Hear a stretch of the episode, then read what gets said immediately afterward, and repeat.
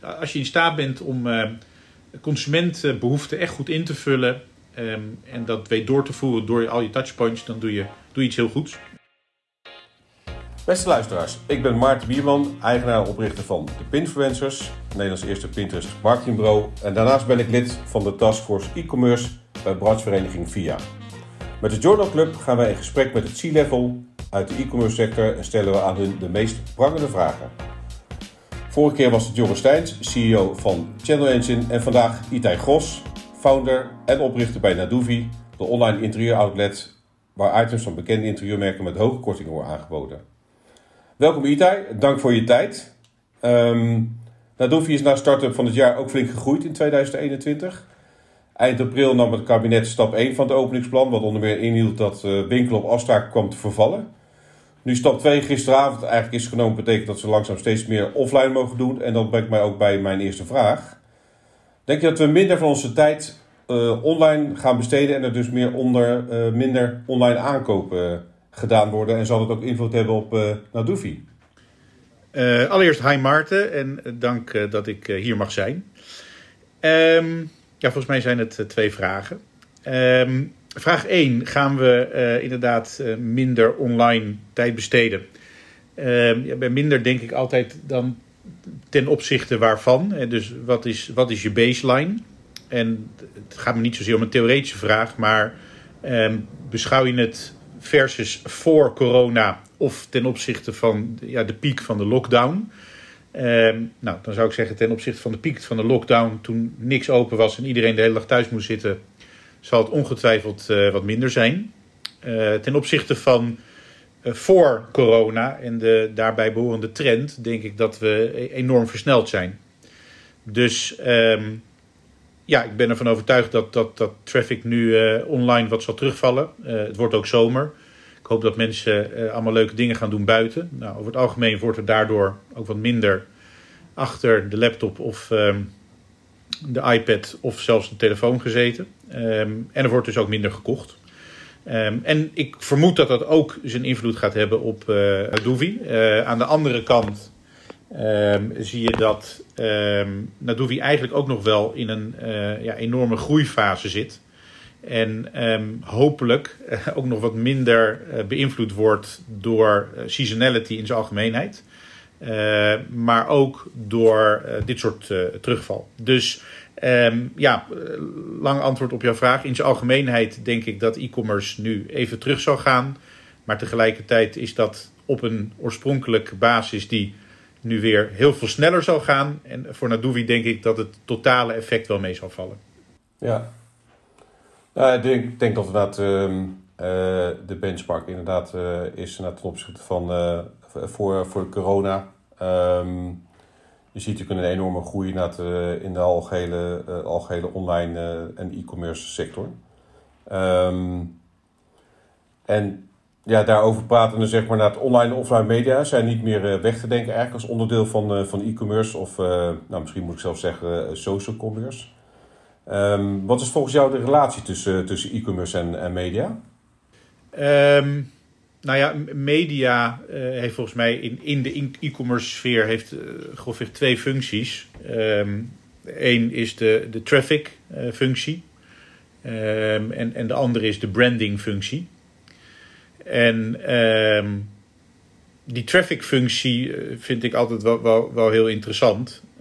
Daar wordt natuurlijk uit een treuren mee geëxperimenteerd. En ik heb bij verschillende plekken waar ik werkzaam ben geweest daar ook mee getest, geleerd. En je ziet dat, uh, er, nou, dat, dat, dat dat vrij verschillende effecten kan hebben. Dus je ziet dat, dat, de, dat de klik dicht bij de aankoop, dat die over het algemeen het best werkt. Maar wat best ook opvallend was in de afgelopen maanden, dat je heel veel online spelers op televisie zag. En um, nou, dan ben ik altijd wel erg benieuwd in hoeverre dat dan een, vanuit een performance marketing perspectief of vanuit een traffic perspectief uh, heel erg goed gewerkt heeft. Um, en ook in welke fase van je, um, ja, van je maturity je dat moet doen. Dus ik, ik denk dat bij online modellen in zijn algemeenheid de, de klik die dichtbij zit het, uh, het meest uh, aantrekkelijk is. En, althans vanuit een kostenperspectief. Ehm, maar op een gegeven moment krijg je daar ook wear-out in die kanalen. En, en zul je ook naar meer massamediale kanalen gaan, zoals televisie of radio of andere outdoor-achtige media. Ehm, en dan, dat staat nog uiteraard gewoon los van, van de hele branding um, exercitie. Waarbij, ehm, grappig genoeg, ik, ik heb ooit eens bij Unilever gewerkt en daar nogal wat geleerd over branding en media. Maar uh, branding en e-commerce vind ik altijd een hele, hele ingewikkelde dynamiek. Uh, want het, het lijkt een soort van twee aparte grootheden te zijn die ook nog eens op een verschillende manier worden afgerekend. En zeker als die naast elkaar worden gezet, dan, dan kom je er zelden uit. Want een, een kost per klik die uiteindelijk converteert en daarmee een acquisitiekosten per, per, per aankoop oplevert. Ja, zet dat maar eens af tegen een, een branding effect voor je customer lifetime value. dus degene die daar het model voor heeft om dat goed met elkaar te kunnen vergelijken, vanuit uiteindelijk een customer lifetime perspectief, die, die, daar ben ik zelf ook wel erg benieuwd naar.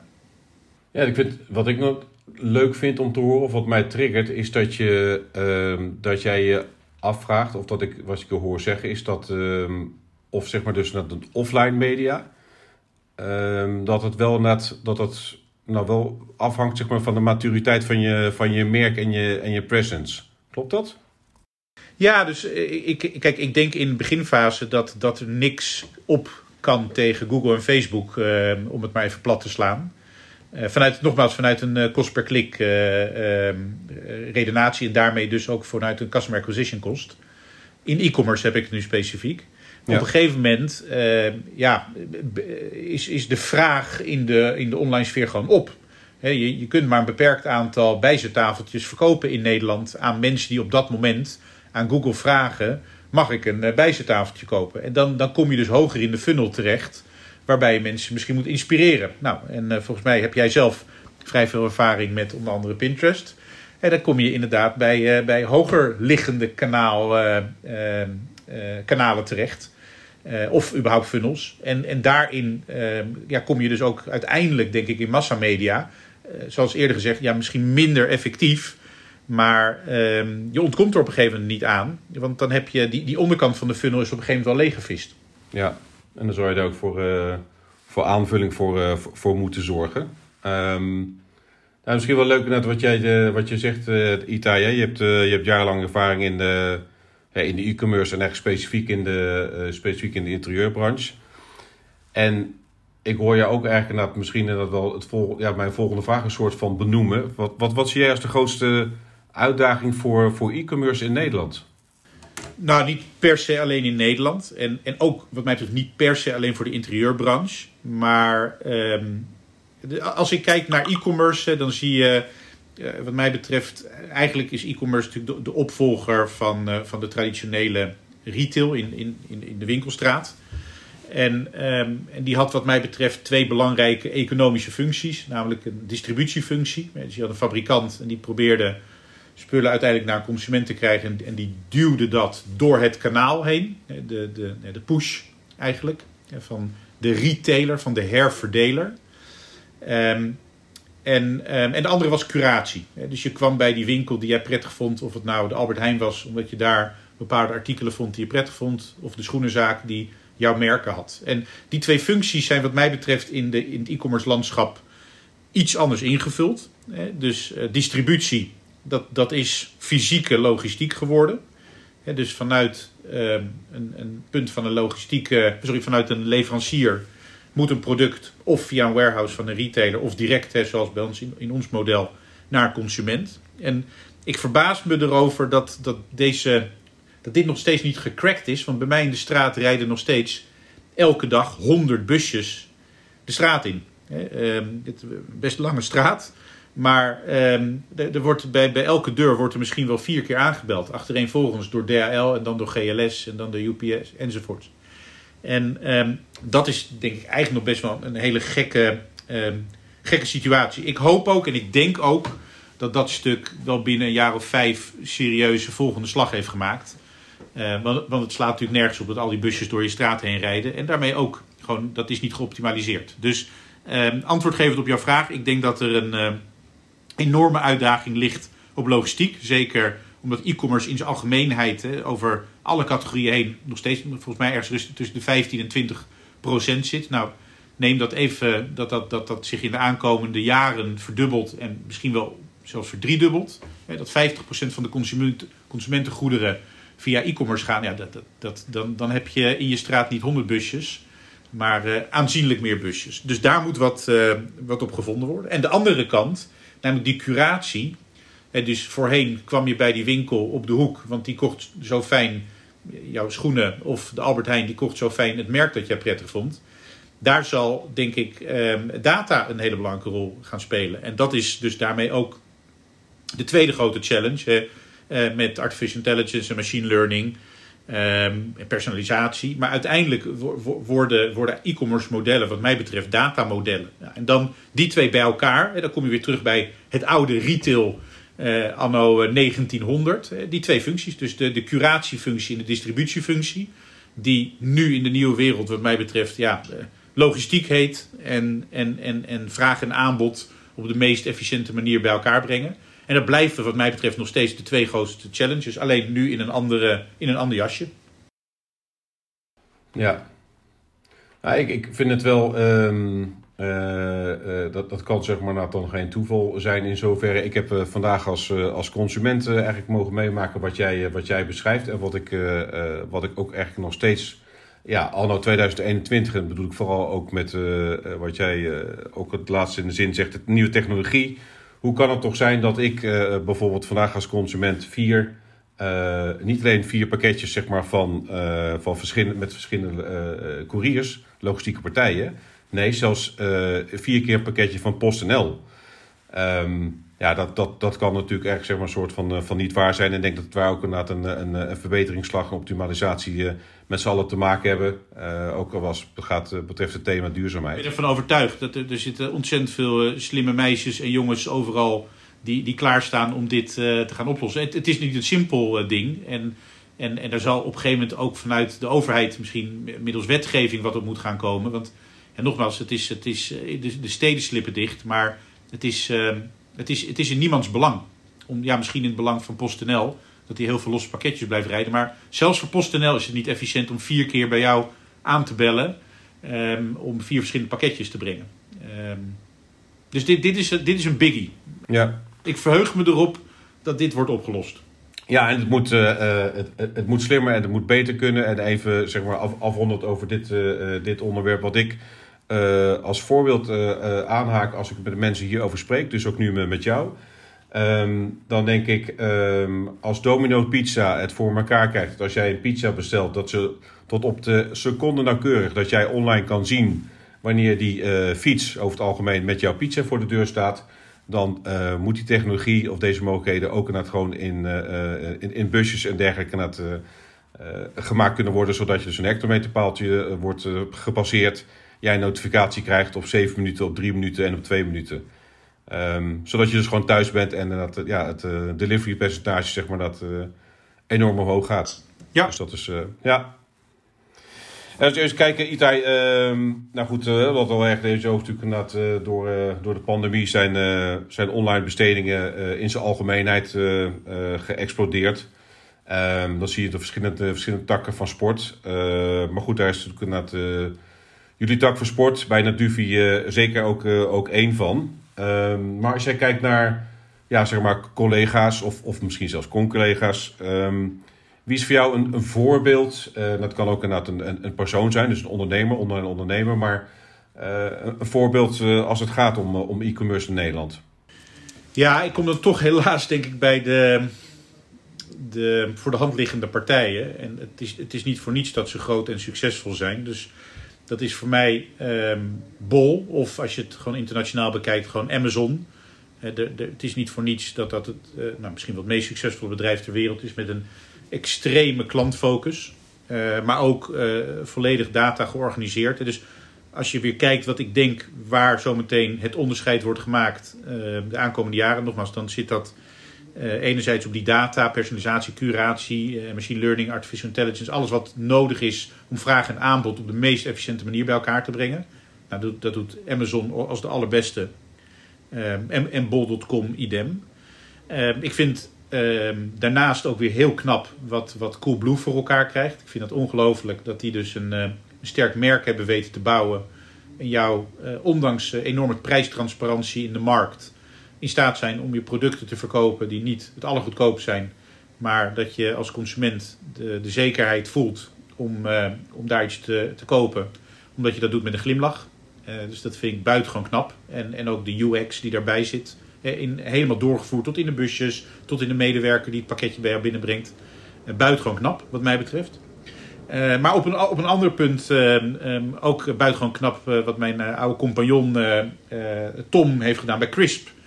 Dus Crisp is misschien niet mm -hmm. een, zou maar zeggen, een perfect e-commerce model. Het is, het is een, ja, wat een complexer verhaal. Ehm, maar die heeft het ook eh, voor elkaar gekregen om een, om een, ja, een soort speciaalzaak online te openen. Waar ik notabene ook privé uh, groot gebruiker van ben. Ehm, met een fantastische propositie. En dat voeren ze ook ja, excellent uit. Dus je ziet dat die, dat die, als je in staat bent om consumentbehoeften echt goed in te vullen. Um, en dat weet door te voeren door al je touchpoints, dan doe je, doe je iets heel goeds. En ja, nogmaals, dus de, de, de grote winnaars, Bol, Amazon, uh, daar kijk ik eh, met veel bewondering naar hoe die dingen doen. Uh, maar in, op Nederlandse schaal, uh, Coolblue, heel knap. En nog in een iets eerder stadium, maar ook rete knap, is wat, wat Crisp doet. Ja. Uh, dus ik denk dat wij Nederlanders um, toch erg inderdaad van, van Pieter de Zwart en, en Coolblue zijn gaan houden. Uh, en wij Nederlanders ook in het service, service op, een, op, een hoog, op een hoog punt op onze agenda hebben staan. En dat ehm, als, service, als je service goed is, en dat is misschien een, een, een, een, dooddoener, maar dan, dan doet prijs er minder toe. Ik zeg niet dat prijs er niet toe doet, maar dat doet prijs er minder toe. En um, wat ik, daar ga ik helemaal met jou mee, wat ik heel knap vind is van, van Coolblue is dat van de hele lijn, dus eigenlijk van de, de eerste touchpoint tot aan, tot aan het einde, dus tot aan de delivery, waar we het net ook al iets over hadden, uh, ja, die consistentie en congruentie er is.